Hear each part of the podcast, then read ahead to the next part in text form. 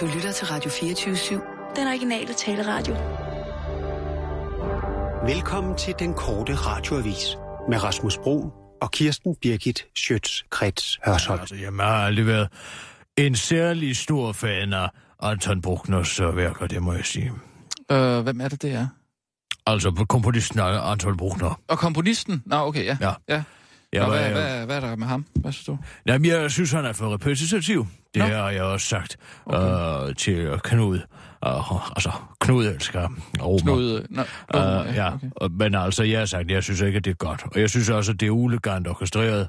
Men han begynder jo at nønne og håbe, og hvad har vi alt? Når jeg, lige så snart jeg nævner, så... Hvor er vi så- henne, sådan rent fysisk her? Hvad? Ja, Hvis du lige sætter scenen, jeg ved ikke helt, hvor vi er henne. Når jeg tog i, øh, altså ind i, øh, i koncerthuset i Nå, går. og okay, fik altså, en, det var- ja. øh, jeg, jeg måtte simpelthen efter at have set øh, Tubguns øh, nye øh, serie der. Øh, Vi er på nu, Kirsten. Er du klar? Så Klar. måtte jeg simpelthen i armene på Bruglo, kan jeg godt sige ja, det. ja, det må jeg lige høre noget mere om. Klar, parat, skarp. Og nu, live fra Radio 24 Studio i København. Her er den korte radiovis med Kirsten Birgit Schøtzgrads Hasholm. Lykke åbner lem for tusind flygtninge mere.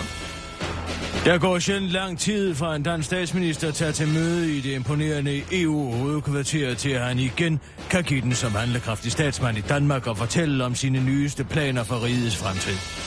Derfor var det da heller ingen overraskelse, da statsminister Lars Løkke Rasmussen i går kunne fortælle den samlede danske presse, at Danmark nu åbner en lille lem på klem for i alt et tusinde flygtninge mere. At folk siger, at det virker underligt, at han nu inviterer 1000 øh, mere herop, det forstår jeg godt, men det er min bedste vurdering, at det er et klogt træk, for på den måde yder vi et bidrag til, at EU nu kan komme i gang med de reelle forhandlinger, udtaler statsministeren til de fremmødte journalister. Lars Lykke understreger dog, at der ikke er tale om 1000 fælles europæiske obligatoriske kvoteflygtninge, men bare 1000 flygtninge, hvilket på ingen måde er formidlende, en- er formidlende omstændigheder for Dansk Folkepartis Martin Henriksen, der mener, at Lars Lykkes lem er alt, alt, alt for stor. Han får mig altså ikke øh, til at tage den der ind af bagdøren, hverken hos mig eller hos nogle af de andre partier. Det er alt for meget at gabe over, jeg sluger den ikke. Det kan jeg godt sige med det samme. Karl Holst, spindoktor, får spindoktor. Det ser nu så skidt ud for Karl Holst spindoktor, at han nu får en spindoktor. Det er jo det værste, der kan ske for en spindoktor, når ens herre bliver ramt af en skandale, der handler om ens selv, siger Christian Ingemann Nielsen, der ikke længere ved, hvad han er ansat til. Jeg skal jo viske Karl Holst men det er jo lidt prekært, når det er mig, det handler om. Derfor har jeg besluttet at ansætte en, der kan viske mig i øret, hvor jeg skal viske Holst siger Christian Ingemann Nielsen, der har ansat skandalforskeren Milena Pinkova til jobbet. Hun har jo vist sig at være en fremragende pep-talker på øh, Holsts væg, Facebook-væg. Det kunne jeg godt bruge lidt af, afslutter han til den korte radiovis. Pernille Skipper beviser gamle sure mænds elgamle irriterende påstand. En af de pinligste døgn, man kan komme på i dansk politik, sådan kaldte enhedslistens Pernille Skipper i går sagen om forsvarsminister Karl Holst og hans personlige assistent Christian Ingemann Nielsen. Det hele er jo ved at blive tokrummende efterhånden. Jeg tror, det er et af de pinligste døgn, man kan komme på i dansk politik, udtalte Pernille Skipper til Berlingske, og beviste dermed, at nutidens unge virkelig er komplet historieløse, som mange sure mænd i overvis har påstået.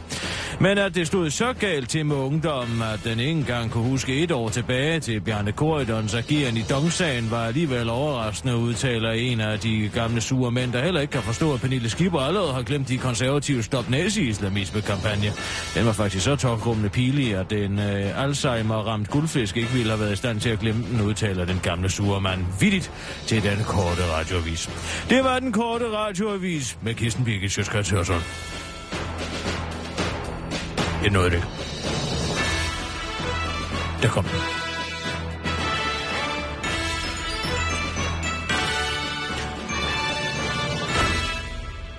Jeg ved Og ikke, om du har lagt mærke til, at jeg altid sætter, og jeg altid sætter den på lige på slaget. Jo, jo. Har du lagt mærke til det? Ja, ja, det er rigtig flot. Jeg sidder og tæller jo. Ja. 1, 2, 3, 4. Ja. Og så tæller jeg, så ved den kommer. Ja. Og så, sådan så det passer. Det Ja. generer mig altid, når, når, når værterne de sætter jinglen på, på det forkerte tidspunkt. Mm. Jamen, det oplever man ikke med dig, synes jeg. Men jeg synes generelt, at du, du er jo meget øh, musikalsk anlagt på en eller anden måde. Altså, din din timing er næsten Altså, musikalsk. journal- journalistik og sprog er musik. Ja. Altså, det kan man tydeligt mærke i det, jeg skriver, synes jeg. Altså, Ja. ja. den rytme, det har, det er nærmest som en... Altså, det er nærmest som Charlie Parker, du ved, mm. der står... bum, bum, bum, bum, dim, bum, bum, dim, bum, bum, bum, bum. Altså, du ved, han står free jazz, og det er ikke... Det kan jeg jo med sproget, altså lege med... Altså, jeg tænker meget over, hvor lang, hvor lang et ord skal jeg bruge her. Simpelthen sidde og tælle stavelser, og passer Nå, det godt okay, op og den ja. slags her. Hvordan er rytmen, leveringen i det her? Det, Ja, det, det ja. bruger jeg meget tid på. Ja. Og det kan man godt mærke, at andre ikke gør. Ja. Jamen, det kan godt være, du har Altså, der. øh, selvom Kai Selliken, jeg synes, han er en glimrende oplæser, altså, så, så kan man mærke, at det, fordi han skriver jo ikke selv, som jeg gør. Altså, Nej. du, og du er blevet bedre til at skrive til mig. Nå, tak skal du have. Men, Tak, tak. øh, men altså, det han, man kan mærke, at det han får stukket i hånden fra de unge journalistpraktikanter, Mm. lige inden han fiser ind der kl. Ja. 12 over på, over, Ja. over på den anden side, som vi siger. Uh, Jeg synes jo, det handler meget det, nej, om... men det, Ja, det nå, jeg vil ja, sige, ja, ja. det er, og der kan man altså mærke, at, hans, at, at- at de har ikke, de har ikke tænkt, hvem er der skal læse op? Er det Kai, der skal læse op i det? Ja. Han har den her, han har den her rytme. Ja, ja, ja. Han har den her måde at tale på. Ja. Han har den her uh, affektion, ikke Ja. sandt? Jamen, jeg synes jo, det handler meget om, når man, når man øh, skriver for en, en, øh, en nyhedsoplæser, så skal man lige sætte sig ind i, hvordan taler han, hun, ikke? Altså, hvad er det for et sprog, han, hun typisk bruger? Ja, det er jo det, jeg og, siger. Og det er jo det, jeg... Ja, jamen, det er, jo, det er jo det, som jeg gør nu, ikke? Altså, som jeg, jeg du har er ligesom blevet bedre sporet mig ind på det på en eller anden måde, ikke? Og, og, og fundet ud af, hvad er essensen af, af Kirsten Birke? Nej, det men synes jeg måtte jeg skriver simpelthen i. det kongelige i Nå, går. okay. Nej, ikke i det kongelige. Koncerthuset i går. Jeg må Ja. simpelthen derind og lidt. Altså, og, det, og jeg går aldrig til Bruckner. For jeg kan ikke lide ham. Nå. Men jeg havde altså, efter at have set to, det skriver jeg også i min kulturkanon. Ja, Uh, det er altså, efter at have set de to afsnit af den her serie, med Top Gun, fucking fornuftig. ja, som den hedder. Ja. Der måtte jeg simpelthen. Der måtte jeg simpelthen have noget styrke mig på. Og Nå. det var ikke nok det, Du var jeg ikke havde... tilfreds? Altså, jeg har set første afsnit, jeg synes på en eller anden måde, altså, jeg synes ikke, det var dårligt. Nå. Jeg, jeg synes, det var sådan, det var meget godt indblik i, hvordan øh, Nå. de øh, crewet der og sådan noget, de hænger ud, og det var den, den måde, de taler til hinanden på, synes jeg egentlig var meget... Øh, Ja, ja, men det er da fint, de taler på den måde til hinanden. mm. Men hvorfor skal det på fjernsyn? Jamen, altså, det, det er, ligesom et, den, den, et den indblik, er øh, et klokkeklart bud på, at, øh, at folk tror, at de selv Åh, er så tak- tak overdrevet Sissel. interessante, Tak, at det tak. skal videre. Jeg har lige en lille overraskelse, Kirsten. Var det, er det bare mobil? Var det? Og det Jeg har, besluttet, jeg har besluttet, at vi skal holde fredagsbar i dag. Så her er en øl til dig, hvis det var noget. Åh, oh, sådan på dåse. Hvad? Jeg foretrækker mig altså på flaske, det må jeg sige. Jamen, øh, det- ja. Er der nogen Vil på du have et glas, eller hvad? Vil du have et glas? Nej, bare giv mig en sådan der. Nå, men det var da meget godt tænkt. Nej, men så kan jeg lige fortælle, for det var sjovt. Så tog jeg jo så ind og sagde, jeg, jeg vidste faktisk ikke, hvad der spillede. Ja, men altså, Jeg tror lige, jeg venter selv med at, ja, at drikke til. drik dig nu sammen med Kirsten Birgit. Nu altså, man skal da ikke invitere på øl, og så selv lade være med at drikke. Jamen, jeg havde sagt til Sissel, at de skulle komme øh, lidt senere. Det er jo godt, du kom med dem nu, Sissel. Nå, men nej, men det, der så er sjovt, vil du undskylde mig. Hvad siger du så med, hvad der skete? Nej, altså så blev jeg nødt til simpelthen... Altså, jeg, jeg, jeg startede, jeg vidste jo, det var torsdag, så jeg startede bare op og kørte ind. Og det viser sig at være Brugners 9. de spillede derinde, altså, og radiosymfoniorkester. Hvad de kalder det nu om dagen, jeg kan huske. Der var så Nikolaj Schneider, jødeviolinisten der, der, der, der, der, der dirigerede. Og øh, Mm, hvad var det, jeg ville sige med det? Øh, du synes, det var øh, godt, eller du synes... Nej, jeg synes, det var dårligt. Nå, du synes, det altså, jeg dårligt. synes, de spillede glimrende der fremragende orkester, men jeg synes ikke, man bryde mig ikke om musikken. Nej, Jeg okay. simpelthen ikke. Nej. Det, der er interessant, altså det mest interessante ved den uh, symfoni er jo på mange måder, at den er, den er, den er, den er modelleret over Beethovens 9. symfoni, og står også i D-mol, den hurtige scherzo-sats er nummer to, uh, altså anden satsen, det er Mm. usædvanligt, og den, den, den, er, den lang... Står du og gaber? Nej, Står du og gaber Nej, mig lige op, mens jeg... det gør jeg ikke. Den tredje satsen, altså den lange sats. Men det, der er morsomt ved den, mm. som jeg faktisk, fordi Bruckner var jo sindssyg, uh, det var... Han er sindssyg, ja. Ja, han, var, han har engang modtaget uh, 27 pandekager for, en, uh, for at dirigere en af sine symfonier. Nej, hvorfor det? Fordi han var vanvittig. Men snød de ham så? Nej, nej, han, det, var, det, var, han- det var det, han ville have som honorar. nej, men det, der er morsomt, okay. det er sjovt, det er Ja. ja. altså... Den 9. symfoni, ikke? Det er... Ja, der sker alligevel ikke en skid i dag, så vi kan jo bare... Ja, det er med Holst. Og nu kan du lige høre den her, inden vi skal den. Ja, ja, ja. Det er så sindssygt. Mm. Ja, men så, den 9. symfoni, det er også spændende ved den, fordi der er jo mange altså, komponister, for hvem den 9. symfoni er en mytologisk symfoni, ikke sandt? En skæbnes Ja, symfoni. Beethoven har jo øh, den her bam, bam, bam, bam. Ja, det er den femte symfoni. Den femte, ja. Men så har han... Øh, Altså, øh, nierne er den med koret ude til glæden. Åh, ja, ja, ja. Den der, ikke? jo, jo. Uh, altså, nej, men det, der er så interessant ved det, det er, at Bruckner var et dybt menneske. Og det er faktisk ham, der på mange måder har, har, har, har startet den her bekymring for komponisterne om, at de omkommer efter at have skrevet den 9. symfoni. Og det er de bange for, det, det er deres... Øh, Ja, altså, det er det- ligesom det- når rockmusikere der, og, og, og, Ja, og, 27, og, og 27 øh, år, ja, præcis det samme. Ja, Ja. ja. ja. Men altså, det som der sker, fordi jeg, altså, Bruckner øh, er gammel på det tidspunkt, går i gang med den 9. symfoni, Gammel, hvor, hvor gammel? Ja, men han er vel i øh, 60'erne, han dør i øh, 1890'erne, vil jeg tro på et tidspunkt. Oh, det- Nå, det men det der, det, der, det, der er morsomt, det er jo, at altså, den første, der dør efter den 9. symfoni. Mm. Sædvanligvis før Beethoven, der skriver man jo langt, man langt flere symfonier, fordi at man ikke længere ligesom, altså, der er der kommet en ny opfattelse af komponisten som et geni, og derfor skal altså øh, der, kunstværkerne være mere overvejet. Før det, der var de jo bare håndværk, og så skid de den ene symfoni ud efter den. Altså for eksempel Haydn har jo skrevet 100, over 100 symfonier, 104 symfonier, 104 symfonier. Som håndværker? Ja, ja, så det var bare det ene, der er så færdig med den, så skal Nå. vi tjene nogle flere penge og skrive til en anden. Nå, men det med, med, med, med Beethoven, han skriver så den ene symfoni, så dør han, ikke? Mm. Så året efter, Ja. så skriver Schubert sin 9. symfoni, og så dør han. Altså, det er vi i 1828 her. Ja. Og øh, så går der jo så de her, ja, næsten 70 år jo faktisk, ikke? Ja. Og så sidder Bruckner og har overtroisk, og så skriver han, ja, hvad skriver han i sin dagbog? Jamen, jeg er bekymret for at gå i gang med min 9. symfoni, fordi, altså, vi ved jo ligesom, hvad der skete. Ja, ja. Men altså, det er jo bare overtro. Og så øh, skriver han sin 9. symfoni, og så dør han. Okay. Altså, så bliver man lige lidt sådan... Ja, og så efterfølgende, så dør Mahler efter at have skrevet sin 9. symfoni. Nå.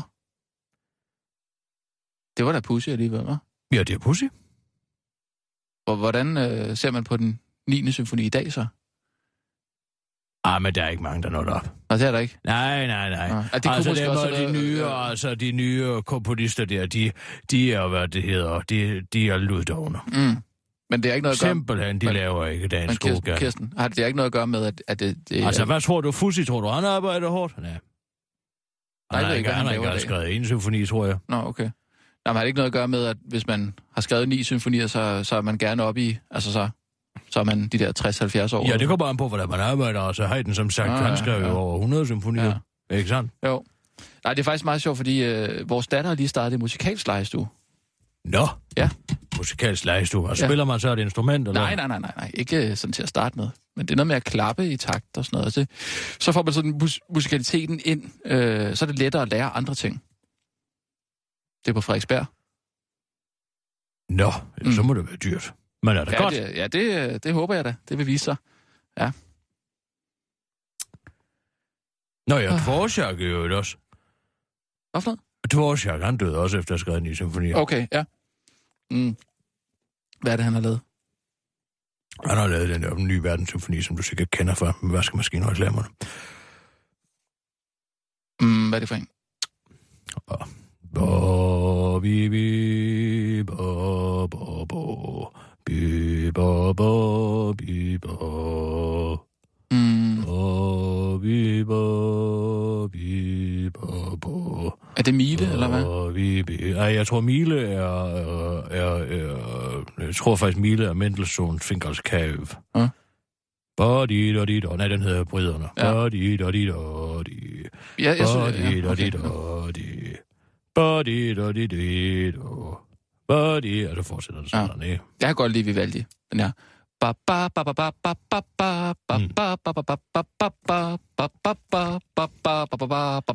Altså, det, er det er for et classic hit, og du ikke noget længere end til skæring 1. Nej, men jeg har den der 200 klassikere, hvis du kender den. Hvor mange gange har du hørt? Ja, jeg, jeg springer lidt fra nummer til nummer. Hvad er der galt i det? Må man ikke selv vælge sit nummer? Eller Nå, hvad? folk kan ikke holde opmærksomheden længere.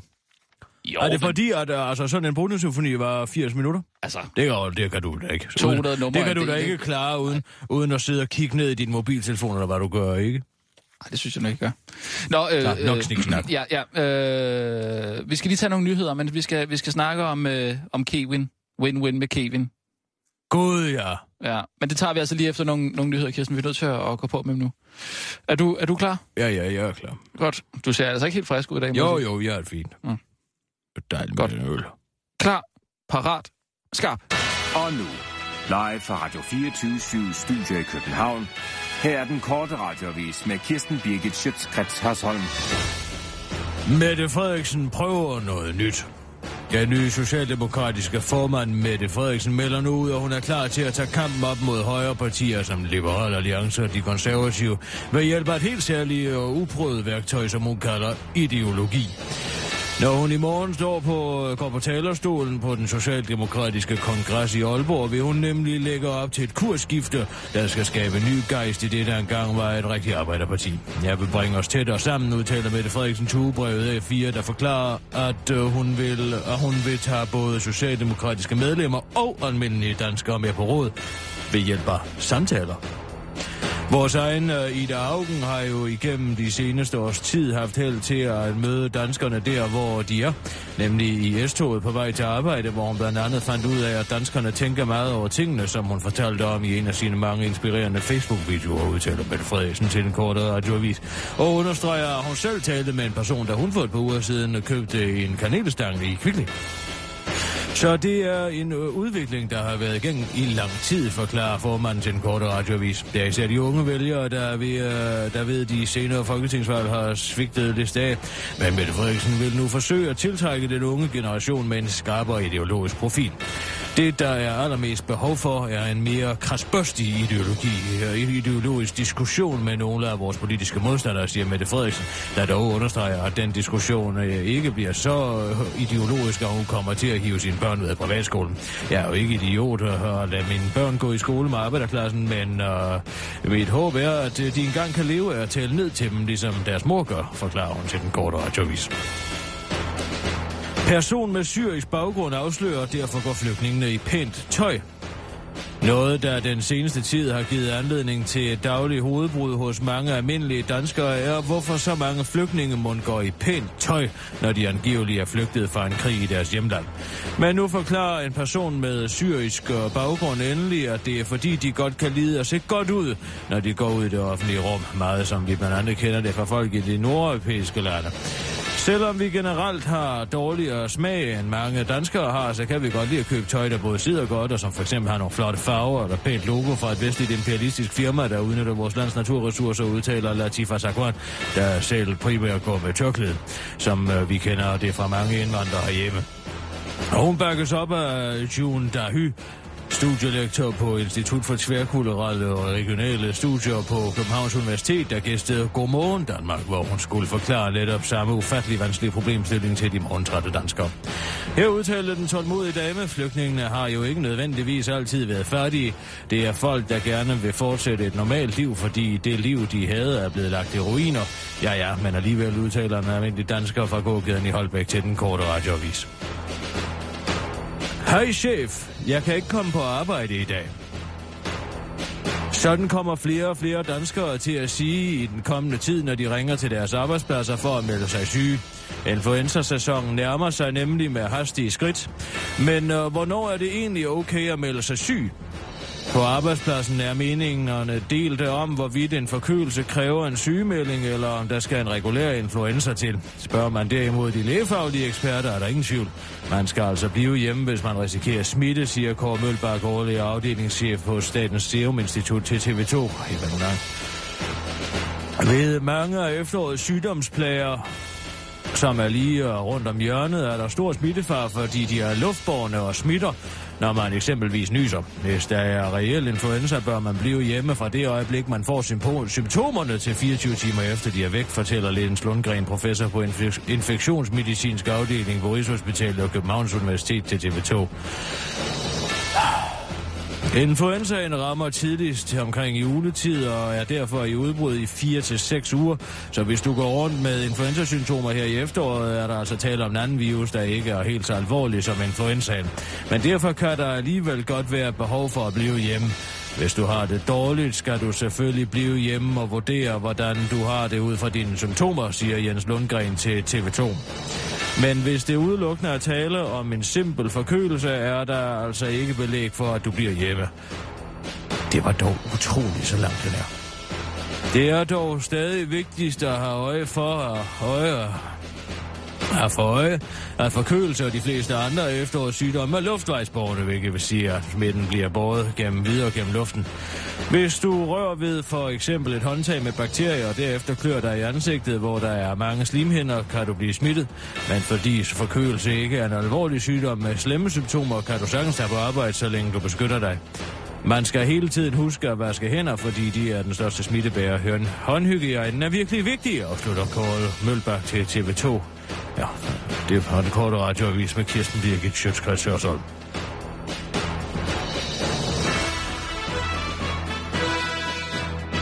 Og så Tolstoy kunne jo ikke have skrevet den her øh, nyhed længere. Så er vi ude. Det var der en ufattelig lang nyhed om, at man skal huske at vaske sine hænder. Jamen, det er da vigtigt. Det er da noget, mange går og, og, og pusler med Ja, derhjemme. jeg er bekendt med, at danskerne er fuldstændig ligeglade med, om de har fået afføring på deres hænder, inden de går ud og tager en gulerod, og hvad ved jeg. Men altså derfor, Nej, så det, det tror jeg da det generelt. burde stadig være almindeligt kendt, at man skal vaske sine hænder, efter man har været ude og lave pølser. Jamen, det er det også. Men det er ikke det, det handler om. Det handler om, hvornår er det okay at melde sig syg. Og det ja, så synes når man jeg ikke smitter andre, naturligvis. Ja. Det synes jeg nemlig også, Kirsten. Nå, og hvad så? Er det en nyhed? Det er da almindelig kutum. Det er da almindelig sund fornuft. Ja. Men, men nogle gange er det jo... Øh, ja, altså, så er man jo nødt til at melde sig syg for arbejde. Ja, hvis man er syg. Ja. Nej, ikke hvis man går og snøfter lidt, ligesom du gør altid. Nej, men jeg har da også været syg nogle gange. Altså rigtig syg, hvor jeg er... Du har jo ikke været så syg, så du hverken har smittet mig, eller, øh, eller, eller ikke kunne udføre dit arbejde. Nej, altså, jeg, der var ikke en gang, hvor jeg smittede dig lidt. Hvornår var det? Ja, det var her... Kort før sommerferien. tror Jeg har et stærkere immunforsvar, end du går og tror. Nå, ja, okay. Det i er et fald- boldværk, du ikke lige sådan kan, kan, kan og indtage med dine, med dine små patetiske basiller. Nå, Der ja. skal mere til at slå mig ud. Nej, vi havde noget omgangssyge her på redaktionen på et tidspunkt. Det havde vi altså. Og der var der altså nogle hårde dage at komme på arbejde. Og du insisterede på, at vi ikke skulle have en, øh, en afløser til nogen. Hvad var det med det her med win-win med Kevin? Det går jo ikke så godt. Nej, det er rigtigt. Øh, hvad var altså, det? det var en enkelt svipser, og det var tæt på. Altså, han sagde, hvad var det, han sagde? Nå, jeg skrev ned her. Men Hvorfor er du så overbærende over for Kewin? Altså, øh, Altså, selv en syns blæksprutte kan jo tage fejl. Vent nu lige lidt. Hvad var det, jeg skrev? Sønderjyske mod Ja, Team Twi- Twist. Tw- Tvis. Team Tvis. Ja, det er rigtigt, ja. Det er dem. Uh... Det blev 24... Ja, han sagde, at det sønderjyske vil vinde, og de tabte med et mål. Det var tæt på. Det kan du jo ikke bruge til noget. Nej, men så længe han Den tæller rammer... stadig som en, en, en forkert Ja, men så skal han bare ramme de næste fire rigtigt. Ja, nu står det 1-1. Ja, det er, jeg håber, vi kan få det lavet, for jeg har fået lavet en jingle. Altså til det. Er den lavet? Ja, den er med på at høre. Ja. Nu skal vi over til den korte radiovises tipsmagasin. ja. Hvad er det for noget? Velkommen til Win-Win med Kevin. Det er da godt. Nej, det er da ikke godt, Kirsten. Hvorfor er det ikke godt? Det er da en rigtig sådan... Altså sådan rigtig... øh, Altså ligesom hvis man... Hvis du forestiller mig at sådan sænke mig langsomt ned i et varmt kar. Altså den musik er faktisk god til det. Det forbinder man da overhovedet ikke med, med, med sport. Jo, og jo, også- altså sådan Nej, lidt, øh, prøv lige at der- spille den igen. Prøv lige at spille igen. Er det lidt sexy? Det kan jeg faktisk godt lide. Hvorfor skal den være sexy? over Det- til prøv at høre. korte radiovises tipsmagasin. Nej, Kirsten. Ja, den er god. Velkommen til. Win-Win med Får Kevin. du kvinderne med på tipsbølgen, ikke?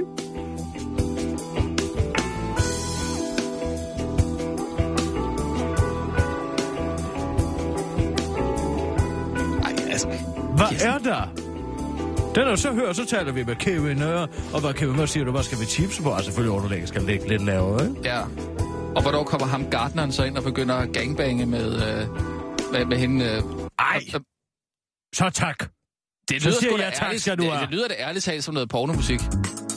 Hvad er det? Nu skal vi over til den korte radiovises tipsmagasin. Velkommen Den til er lidt hurtigere. Win med Kevin. Den er da Kirsten, god. Nej. Jo, det er det fløjte det? ind over. Kan du slet ikke høre det for Jeg, dig? jeg ser ikke en fodbold Og for mig. så, og så Kevin stemme ind over det. Vi kan da lige prøve det, når han er med. Ring lige til Kevin. Jeg skal vist lige give ham en skidebold.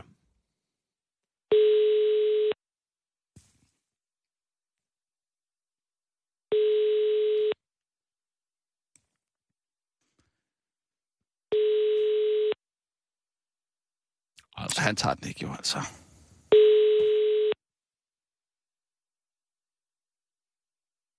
Han er gået flyverskjul, jo. Ja, Oh.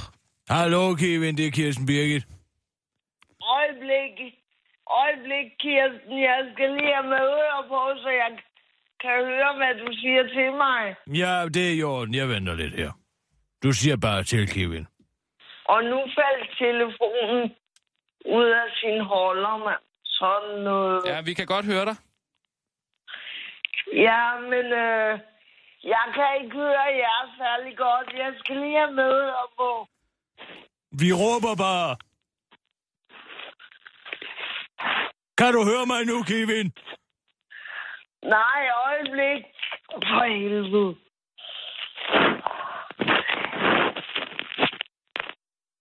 Sådan. Det er godt. Kevin, Ja. det er jo ikke skide godt med den der Team Twist og øh, Sønderjyske der. De tabte jo med et mål for fanden. Ja, jeg ved ikke, hvad der gik galt. Nej. Men vi prøver at høre her, det er et skud ud af bøssen. Nu skal du altså ramme de næste fire, eller så bliver... Nej, de næste tre. Ellers så bliver Jørgen og vores chef herinde, og han bliver altså rasende. Så hvad er dit tips i dag? Det er, at AGF vinder. Jeg kan ikke huske, hvem de skal møde, men vinde, det skal de. Hvem skal? AGF. AGF, jeg synes, GSV. Hvorfor i alverden skulle han sige det? Jamen, det er der, er også nogen, der hedder. Der er der også nogen, der hedder GSV. Nej. Jo, det er en det er, der, lastbil. er der ikke nogen, der hedder det, Kevin? Der er nogen, der hedder BSV, Ja. men det er, hånd- Nå ja, okay. det er håndbold. Ja. Altså, Kevin, kan vi lige prøve at lave en tester? Uh, fordi... Nej, ja, vi skal lige høre, hvem der vinder her. Hvordan er det? Ja, AGF vinder, det har han sagt. AGF. Øh, og hvem- hvem, skulle de spille imod? Så det er jo det, jeg ikke kan huske. Ja, Hvem skal de spille mod? Vi- Vi finder lige ud af det her. Kamper. Det er... øh, Det er i morgen. De skal spille mod Brøndby. Nej, det, det Nej, skal det de er, ikke. nej, det er forkert. Hvor vand, så skal nu skal jeg lige gå Ja, ind må og jeg se lige have lov til Ja, det? jeg går lige ind. De skal spille mod uh, Sønderjyske. Sønderjyske. Ja, Og der vinder AGF, siger du. Er de ikke meget Ja. gode? Nej, ja, det er da så, de var gode. de der. Men prøv lige at høre her. Altså, nu laver vi lige en prøve, altså prøv, prøv, prøv udsendelse, hvis det skulle være. Så nu vi har fået lavet en jingle, du bliver hængende, Kevin, og så, så laver jeg, som om jeg slutter en nyhed, og så går jeg over til dig, og så spørger jeg dig, hvem der skal vinde, og hvad dit, øh, hvad dit uh, tips er for i dag. Og så ser vi, om det fungerer. Er du klar på det? ja. Det er godt. Ja. Okay, bare bliv lige hørt. Kan vi lige få en nyhedsjingle, så skal jeg nok lige læse lidt op, og så går vi over til dig. Ja. Og nu, live fra Radio 24 Studio i København. Her er den korte radiovis med Kirsten Birgit Schøtzgrads Hasholm. Forklarer hun til den korte radioavis. Det var den korte radioavis med Kirsten Birgit Sjøtskrets Hørsholm. Det hængende. Nu skal vi over til tipsmagasinet Win-Win med Kiwin.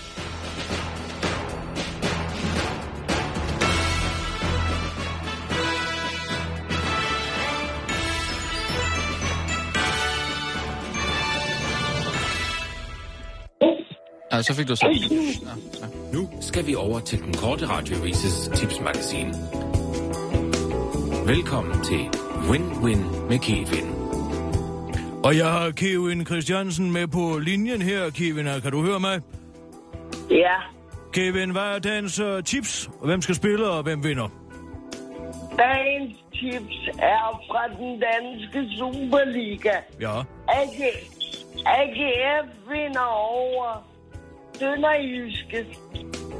Det er dejligt. Tak skal du have. Vi glæder os også til at se at den øh, kamp, som du har forudsagt, at øh, England vil vinde over Fiji i rugby i eftermiddag. Tak fordi du var med, Kevin, og vi snakkes ved igen i morgen, med, hvor vi får et endnu et tip fra dig. Tak skal du have. Det fungerede rigtig godt. Er du med stadigvæk, Kevin? Nå. Ja, du lader han på. Jamen, han troede jo, vi var færdige. Ja, men vi har jo ikke engang testet den anden endnu. Jeg synes ikke, den holder med den der, det der pornomusik der. Det er da ikke pornomusik. Ja, det er det altså, Kirsten. Så kan du sige, du vil. Altså, det må vi tage efter kulturkanalen. Ja. Må jeg lige høre den anden øh, jingle igen? Nu skal vi over til Ja, den er bedre. Den er bedre. tipsmagasin. Velkommen til Win-Win med Kevin. Den er der, den er der, den er der knibbelgod. Er, Ja, der det, flere, er, det er også det, jeg siger. Den, siger, den er bedre. er der flere øl? Men det var da den samme, vi spillede lige for lidt siden. Nej, det var det da ikke.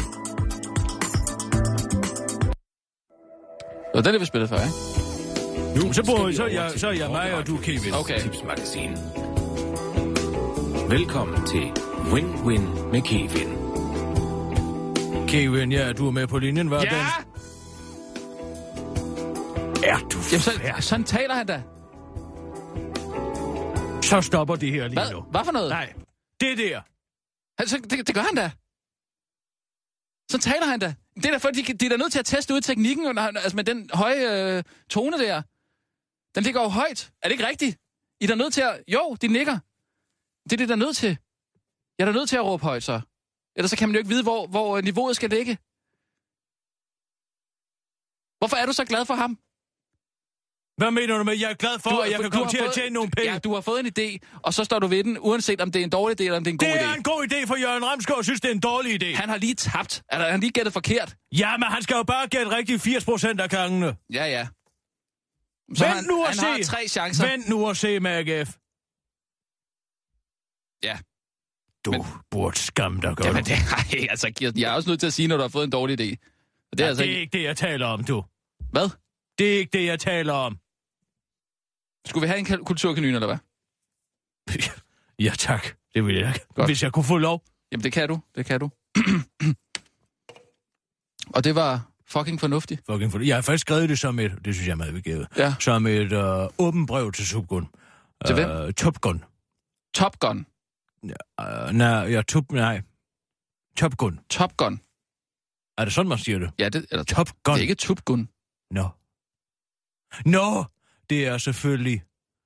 Ja, det er selvfølgelig filmen der. Jeg troede, det var noget Ja, det er ordspil på det, tror jeg. Ja. Men er du, er du klar på det? Øh, ja, ja, jeg er klar, jamen. Godt. Klar, parat, skarp. Nu er det blevet tid til Kulturkanylen med Kirsten Birgit Schøtzgrads Hørsholm. Dit ugenlige skud kultur lige i maveskinnet.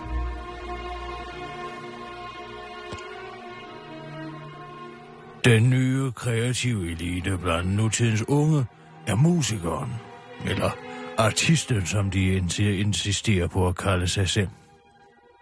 Hvor det i min ungdom var tænkere som Michael Strunge, F.P. Jak, Søren Ulrik Thomsen, Dan Tyrell Rifbjerg, Bjørn Nørgaard, Inger Christensen og Paul Borum, for at nævne et par, der var med til at levere kunstnerisk input til os unge hoveder og sætte ord på vores åndsliv, er det i dag en gruppe af popsnedgere, der for længst har sprængt rammerne for, hvad deres borgerlige navne formår.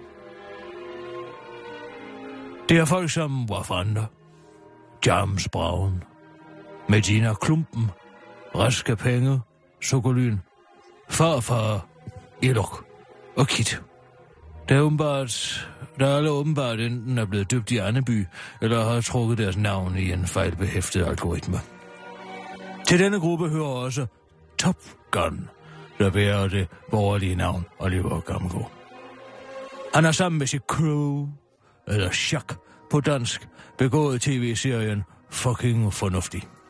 Hvis man ikke ved, hvad et hiphop chak er, så er det, når en gruppe af unge mænd øh, har erkendt, at de individuelt ikke har social pondus nok til at begå sig med den ønskede respekt, og derfor søger mod en alfahan. Det er at sammenligne med de godartede maritime snyltedyr, der lever hele deres liv i mundvinen på en hej. Snyltedyrene bliver beskyttet af hegns tilstedeværelse, og hegn får fjernet uønskede parasitter. Hegn i dette tilfælde er Top Gun, og snylterne er Hannet, Tiger og Kongen. Det er hip-hop symbioser. Serien premierede for cirka to uger siden. Denne anmelder har kigget på de første to afsnit. Kære Top Gun, tillykke. For første gang har en artist, som du sikkert gerne vil kaldes, med sit projekt tvunget mig i armene på Bruckner, som jeg ellers ikke bryder mig om. Efter at have set de første to afsnit af de nye serie, vandsmægtede jeg i en sådan grad efter substans, at jeg straks gik ud i min garage og startede åben, og efter at have modstået fristelsen til at trække støvsugerslangen om i kabinen for at gøre en smertefri ende på det hele, kørte jeg direkte i favnen på en symfoniker, jeg ellers ikke ville røre med en.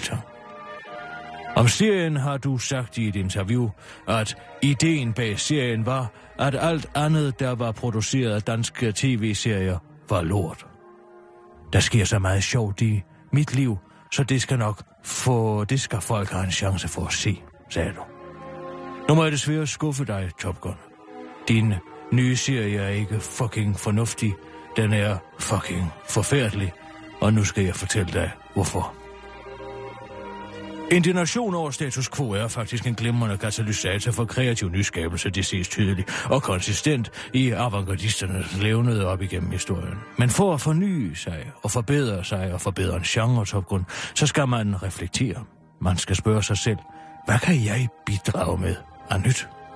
Hvad er mon øh, det ved det eksisterende, der er utilfredsstillende, og hvordan kan jeg forbedre det?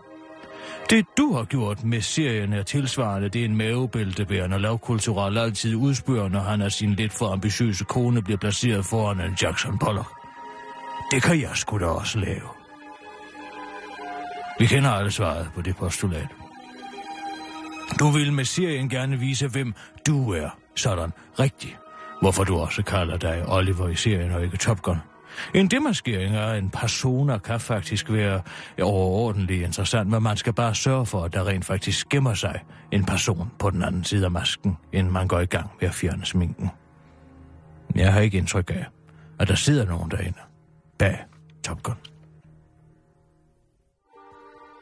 I det første afsnit vil du gerne vise, at du er hjertesover, fordi medierne har erfaret, at du har lært Frederik Fetterleins kæreste at kende i en bibels forstand forstås under en tur til Los Angeles. Men han er vel kosmopolit.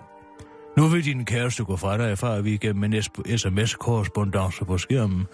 Et af seriens hyppige virkemidler, der på en eller anden måde smukt indkapsler den yngre generations fokuseringsproblemer, da ingen af jer kan eksistere i to sekunder uden at glo ned i telefonen. Hvis jeg ikke vidste bedre, Tupgun, så ville jeg tro, at det var et kip med fladet til Brecht.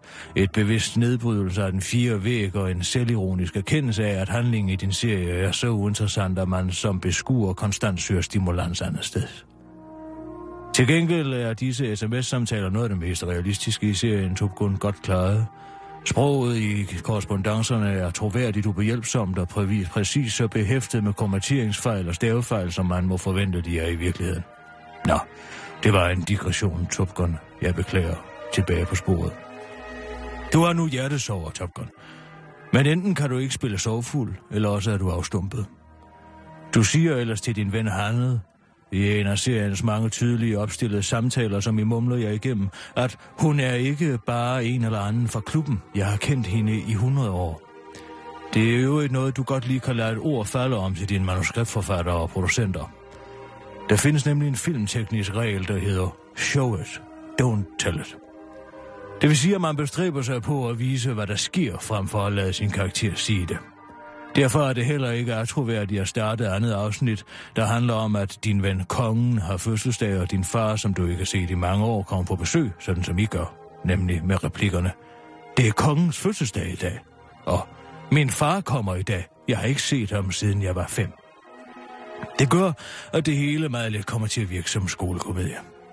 Hvis mine ord slet ikke danner mening, så tænk på Jonathan Demme's Silence of the Lambs, hvor vi første gang møder Anthony Hopkins karakter, kannibalen Hannibal Lecter. Gennem filmens visuelle udtryk kan vi se, at Lecter er vanvittig. Han står med mundkur på i spændetrøje i en glascelle. På den måde behøver Hannibal Lecter ikke sige, Hej, jeg hedder Hannibal Lecter. Jeg er sindssyg. Giver det mening? Eller går det for hurtigt, Top Gun? Jeg spørger ikke for at være nedladende, men fordi, hvis man skal se din serie som semi-dokumentarisk, og det siger du jo, den er Top Gun, så må man antage, at du og dit chak er tangerende retarderet. Jeg ved, at du og dit chak har tænkt, at dansken vil elske at være en flue på væggen, når I taler om løst og fast. Sådan lidt ligesom Frank og Kasper kan. Eller Seinfeld kan i sit selvproklamerede Show About Nothing program om ingenting. Men det overså Top Gun, da Diana Schack stod ved den kreative spritduplikat, og det var, at når Seilenfeldt taler om ingenting, eller når Frank Vam og Kasper Christensen gør det, så er det, de siger, betragtninger, ikke konstateringer. Det vil sige tanker, der har været igennem en eller anden form for filtreringsproces op i hovedet, og som derfor er interessante for beskueren, fordi det ikke er en tanke, vi selv de facto kan have haft. Et eksempel på forskellen kunne være, de sko er grimme. Det er en konstatering, mens de sko er grimme, fordi etc. etc. er en betragtning. Det er godt at skrive sig bag øret. Det kræver selvfølgelig en lille smule mere arbejde, men det er helt klart det værd. Noget andet, I har glemt, det er, at det selvfølgelig er helt okay at sige nej i en brainstorm-proces. Det har I glemt, når I har skulle finde på sidehistorierne til det chak. Det er der Top Gun, hvor I tænker, hvad må en handede tiger og kongen skal lave i det her afsnit. Det er helt øh, okay. Også, øh, også i stil med den kreative øh, konvention, ikke bare at tage den første og den bedste idé. Som for eksempel i afsnit 2, hvor Tiger vil bevise, at han godt kan være far ved at anskaffe sig en kat. Den idé er elendig i Top Gun, og bliver præsenteret uh, med samme naturlighed som et forslag om samleje i en B-pornofilm fra 80'erne. Derfor er det også helt i orden at smide den i skraldespanden. Husk, hvad Hemingway sagde. Writing is rewriting. Godt fortalt, Top Gun. Manuskriptet er elendigt. Det samme er skuespillet, og idéerne er gamle og uinteressante. Lad mig sige det på en måde, der resonerer i hiphop-verdenen. Der er ingen fornuft i fucking fornuftig. Top Gun, du er desværre kommet til at forveksle det at have 150.000 følgere på Instagram med at have noget på hjerte, og det at have 4 millioner visninger på YouTube med kunstnerisk integritet. Det kan ske, Top Gun, men i dit forsøg på at frelse Danmarks tv-skærme fra dårlige tv-programmer, har du lavet det værste til dato. Til gengæld vil det til evig tid stå som en klokkeklar påmindelse til verden om, at man skal altid huske også at sige nej i en brainstorm. Tillykke med det. 0 ud af 6 kanyler.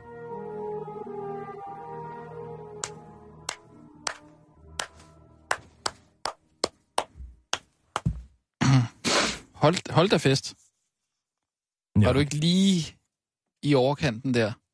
Nej, altså som han skal... Hvad er nu det? Dove? Nå, det er min telefon. Et øjeblik. Det er Dan. Dan. Marstrand, eller? Nej. Hallo, Dan. Hallo, hallo. Hej, Kisser. Hvordan går det her, Raklin? Ja, det går godt. Øh, Jeg har, jeg har været lidt øh, på udkig øh, efter astronauten, ligesom alle andre. Nå ja, det er jo det, det alle taler om. Har du set det andet? Jo, det har du set, eller hvad?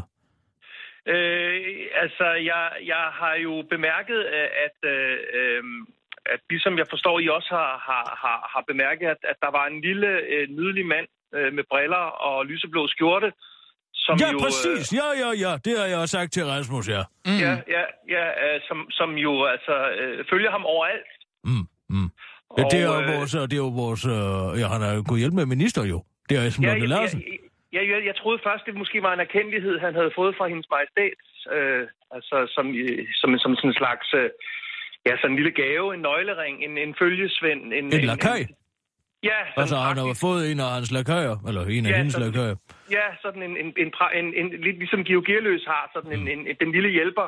Ja, men hvad mener du om det helt ærligt? Altså, Ja, jeg, ja, ja, ja, ja, jeg, synes, jeg, jeg, jeg synes, det er bekymrende også, at, øh, at nu forstår jeg så også, at det er en forskningsminister, at han sådan kan trække flere uger ud af kalenderen åbenbart, og, og, og rejse fra, fra Herodes til Pilatus. Ja, men tænk dig at være i an, uh, hvad hedder han, uh, an, an, uh, André Astronauts uh, fodspor der, ikke? Altså, han har brugt de sidste 20 år på at blive dygtig til at flyve i rummet, og så lige så snart han skal have nogle blitz og noget søge, noget, hvad hedder, stå i the limelight, som man siger, så står der ham der mandslingen der ved siden af ham, og prøver at Ja. stjæle det hele. Ja, lidt Jesper Forkylling kunne man godt øh, kalde ham for. Men, men jeg, jeg, jeg så dem så i går aftes i Tivoli nemlig. Nå, Hvem? var de Øh, var de grøften, Tivoli eller, sammen? grøften, eller ja, ude af altså, ballongængen, jeg, eller? jeg, forstår, at uh, i første omgang havde, havde Andreas været på, på sin tv-tur til aftenshowet, og der, Nå, ja. havde, der havde vagterne næsten været nødt til at slå uh, Esben uh, Lunden, uh, altså holde ham virkelig tilbage fysisk, Nej. fordi han ville også på uh, i første omgang, men det kom han så ikke. Nå, så de fik altså sagt, ja, nej, nu, nu stopper festen altså. Ja, det gik, at han, så, så, så så man jo ham jo så ude bag ruden, ud til Rådhuspladsen, hvor han Nej, jo... øh, Nej, hvor er det pinligt. Ja, hvor han så øh, spankulerede rundt. Men senere hen... Øh, Så jeg gå dem dog hjem, Esben. Altså, helt Ja. ærligt. Ja, men så senere hen, så så jeg dem så i Tivoli, og, og der var det altså, øh, når, når, når, når Andreas var i, i radiobilen, og i rutsjebanen, og i øh, ballon, øh, lu- luftballonen, øh, alle steder øh, var Esben lige ved siden af ham. Jeg kan jo også tåle alle de der forskellige, altså alle de der forskellige forlystelser, for han er jo siddet i slynger og alt muligt dernede i Europa. Hvordan går, Ja, det med, det- hvordan går det med Fætter Samuel egentlig? Ja, altså, øh, Fætter Samuel øh, har, har, travlt med, med, med, med, med sin vingård i Italien. Åh, oh, ja, det er livet. Ja, ja han forstår virkelig... At, Ja, det må jeg sige. at- Det må du altså. Der kunne du lære noget, Dan. ja, Det er at der- trække sig der- tilbage og flytte ned og lave noget vin. Jamen, det er også rigtigt. Det, jeg, jeg tænker også på, hvordan jeg på samme måde ligesom kan øh, stille og roligt trække mig tilbage. Eventuelt også ved at have sådan en, en lille praktisk hjælper, der hva, ligesom hva, kan... hva, hva, hva, hva, er den god, egentlig? Ah, ja, for at være helt ærlig, så er den, øh, den er lige til den sure side, men øh, Hmm. der arbejdes på det. Kan, Det kan, han ikke sende, kan han ikke sende en kast til Dalgas Boulevard? Jo, selvfølgelig, Kitter, det var da det mindste. Det Ja, du kan, bare, du kan bare sige hej for Kisser, så tror jeg, han sender to. Det, er jeg sikker på, at der er dobbelt op på det. Det er godt, så må du have det godt, Dan. Tak fordi du ringede, det var hyggeligt at snakke Ja, med dig. ja, ja, selv tak. God Det er godt, ja. hej hej. Hej. Samuel, det er altså... Sagde mål Røkling. Samuel Ragling, Ja, ja, ja. TV2, Ja, ja. Moskva. Ja, TV2 Moskva. Ja, han har været mange steder, så Er de familie sammen? Ja, det er fætter. Fætter. De er fætter. Fætter? Nå, simpelthen. Dan, Dan og Samuel Røkling. Men det har jeg aldrig tænkt over. De Øh. ligner overhovedet ikke hinanden. Jo, de gør. Jo, jo, det gør de. Jo, jo. Ja, særligt, Dan nu, har hvor, ikke særligt nu, hvor Dan er blevet lidt ældre. Altså, Nej. Samuel er jo lidt ældre end Dan. Dan har da ikke den der næse der. Hvad, hvad mener du med det? Ja, har har- Samuel en særlig næse? Han har Nej, måske han en har- næse for... Han er, nej, han har en stor næse. tilbage i tid. Eller, altså, nej, ikke en stor næse, men han har en, en, en, en, en, en anderledes næse. Jeg synes virkelig, at det er, altså, det er et grimt ansigt, der kommer frem i dag for dig. Hvad for noget? Jeg synes, det er et grimt ansigt, der kommer frem for dig i dag, siger jeg til dig. Hvorfor det? Med al din forudindtagethed. Hvad snakker du om? Det, jeg siger? Men hvad siger du? Ja, hvad siger du? De har da ikke samme, de har da ikke samme træk. De har der samme træk. De er fædre. Jamen, jeg synes ikke, de ligner hinanden, siger jeg så. Så siger jeg, at Samuel har ligesom en, en, en stor næse, en stor kødfuld næse, og, og, og det har Dan ikke. Jo, det, altså nu må jeg finde et... Ja, altså, det vil jeg gerne se. Det vil jeg gerne se. det var da utroligt med dig. Man skal diskutere alting med dig. Jeg sagde bare, at de ikke lignede hinanden. Nej, men man du, behøver det, ikke du at ligne sagde, hinanden. at han havde en stor næse. Ej, det er glimrende rapporter. Og hvad så? Det er da ikke noget med det at gøre. Nu finder du det. Nu kigger jeg på et billede af Dan Rakling. Se han, her. Han har altså en, øh, ikke en stor Han er næse. da en nydelig mand. Det tager vi det, jeg begynder, tror jeg. De ligner der Han har hinanden. en meget større næse. Jamen altså, hvis du kigger Dan her ved siden af. Ja. De ligner der hinanden, nu må du da holde op. Overhovedet ikke. Ej, nu må du stoppe. Dans næse går da ikke nedad på samme måde. Det går du se. Nej, men på øjnene ligner de der Nå, hinanden. det vil jeg gerne lige se igen så. Så nu kigger vi... Hvorfor siger du øjne? Nej! Se, jo, de har de samme øjne. De samme hårgrænser. De er er nøjagtigt altså det rigtige samme med hårgrænse. Det er det. Det er det, man kan se. Altså, nu skal du heller ikke spille dummere, end du er. Hvad mener du? Ah, men du kan da, man kan da tydeligt se det. Samuel er en lille smule gulere i hovedet. Nå. Skal vi tage den sidste nyhed, du sendte? Ja, det synes jeg. Det synes jeg. Er du klar? Jeg er altid klar. Husk, jeg skal lige... Nej, vent lige lidt. Giv mig lige et sekund. Ja.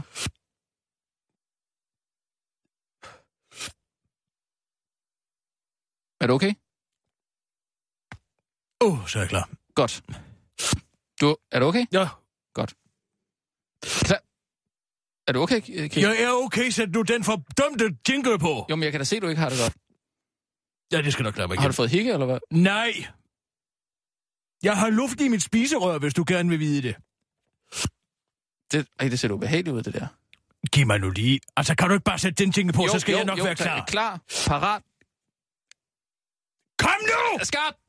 Og nu, live fra Radio 24 Studio i København.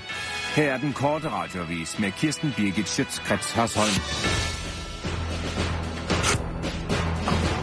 Undskyld mig.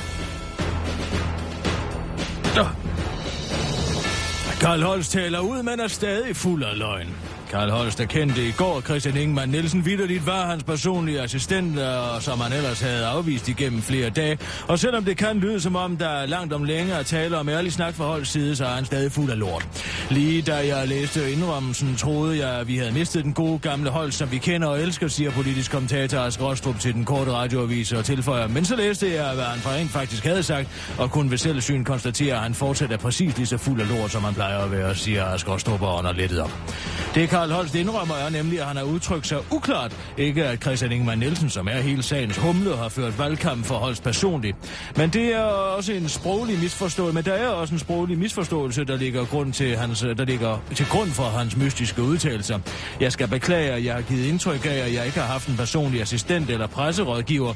Jeg har ønsket at understrege, at jeg ikke har haft en særlig rådgiver, siger Holst til Berlinske og kaster røgslør ud. Professor i retorik på Syddansk Universitet, Pia Rosenborg forklarer, det vi ser Holst forsøg her er løgnerens sidste skjulested, nemlig semantisk flueknipperi, siger hun til den korte radioavis og tilføjer, hvis Holst virkelig er så stor en idiot, som man foregiver at være, så burde han blive myndiggjort, afslutter hun.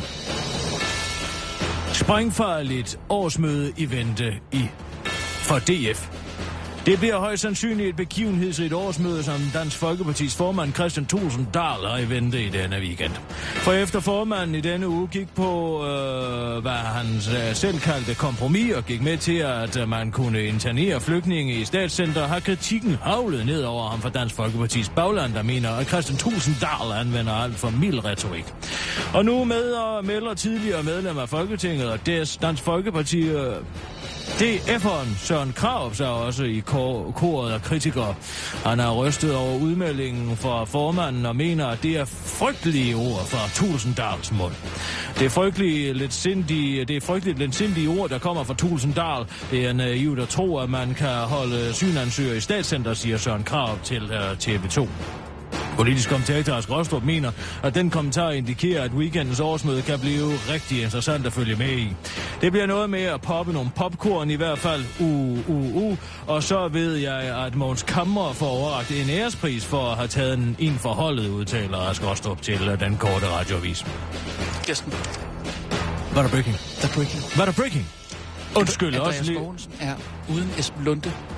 Vi går i breaking. Hvor, hvor, hvor er det, han ligger? Han ligger her. Breaking news. Andreas Mogensen blev set ude ved Her eksperimentaret. er Nej, øh, hvad hedder det? Planetaret. Hørsholm. Ja, ja, ja. Uden Ja, Esben ja, Lunde. ja, ja, nemlig. det billede. Vi går i nødsending. Den danske astronaut Andrea Astronaut er netop blevet spottet uden sin to væbner Esben Lunde Larsen, og det er sågar midt i København, lige uden for Tyve Brahe planetariet ved... Undskyld mig. Lige ude foran Tycho midt i København ved Søerne. En efterfølgende forskning er nu blevet sat i gang for at lede efter Esben Lunde Larsen, der menes at være forsvundet eller muligvis kan være druknet i en af Københavns søer. Det var breaking news med Kirsten Birgit Sjøtskrets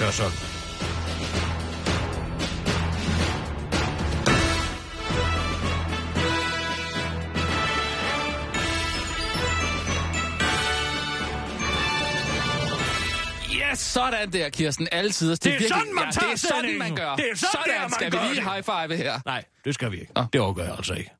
Ikke på en fredag, du, nu havde vi lige så godt. Jeg Hvad- kan ikke lide det der med at klaske hånden altså, mod hinandens hænder. Hvad skal man så gøre? Ja, man skal bare nikke og sige, godt arbejde. Godt arbejde. Det er godt, at vi kan hurtigt reagere. Der er altså en eller anden, der har set ham lige ude foran øh, Tycho Brahe-planetariet der. Og han er altså i, i en form for rumdragt. Jamen, den går han jo med hele tiden nu. Gør han det? Ja, det gør han, for at vise jer, hallo, jeg er Ja. ja. astronaut. Det er ligesom børn, hvis de får en, en korpehat. Eller Ja, en ja, så går de så, med så, den. sover de med det. Ja, ja, så sover de med den, ja. Ej, det er fantastisk, at vi lige kan gribe en, en nyhed, der kommer ind på den måde der. Og det er så, man arbejder i flowet. Ja. Ja, ja. Ej, det er altså godt. Hvad skal du lave i din weekend? Jeg tror, vi skal have den blå planet i dag. Hvad er det for noget? Den blå planet? Mm. Nå, det er akvariet derude. Ja, ja. Altså det Ja. nye øh, akvarie i Danmark, altså det store. Der har Claus Meier også en finger ned i kagen derude. Øh, ja, der er en kantine derude. Altså. Ja. ja, ja. Han har fingrene med alting. Ja, men han er dygtig. Han laver er noget en rigtig så dygtig. Jeg sagde til ham en gang, du bliver der aldrig til noget. Du er ikke engang uddannet kok. De ord skal jeg tage mig. hvorfor sagde du det til Ja, ham? fordi at jeg synes, at folk skal tage sig en uddannelse. Han har ikke en, en, en uddannelse, eller hvad? Ja, ikke som kok.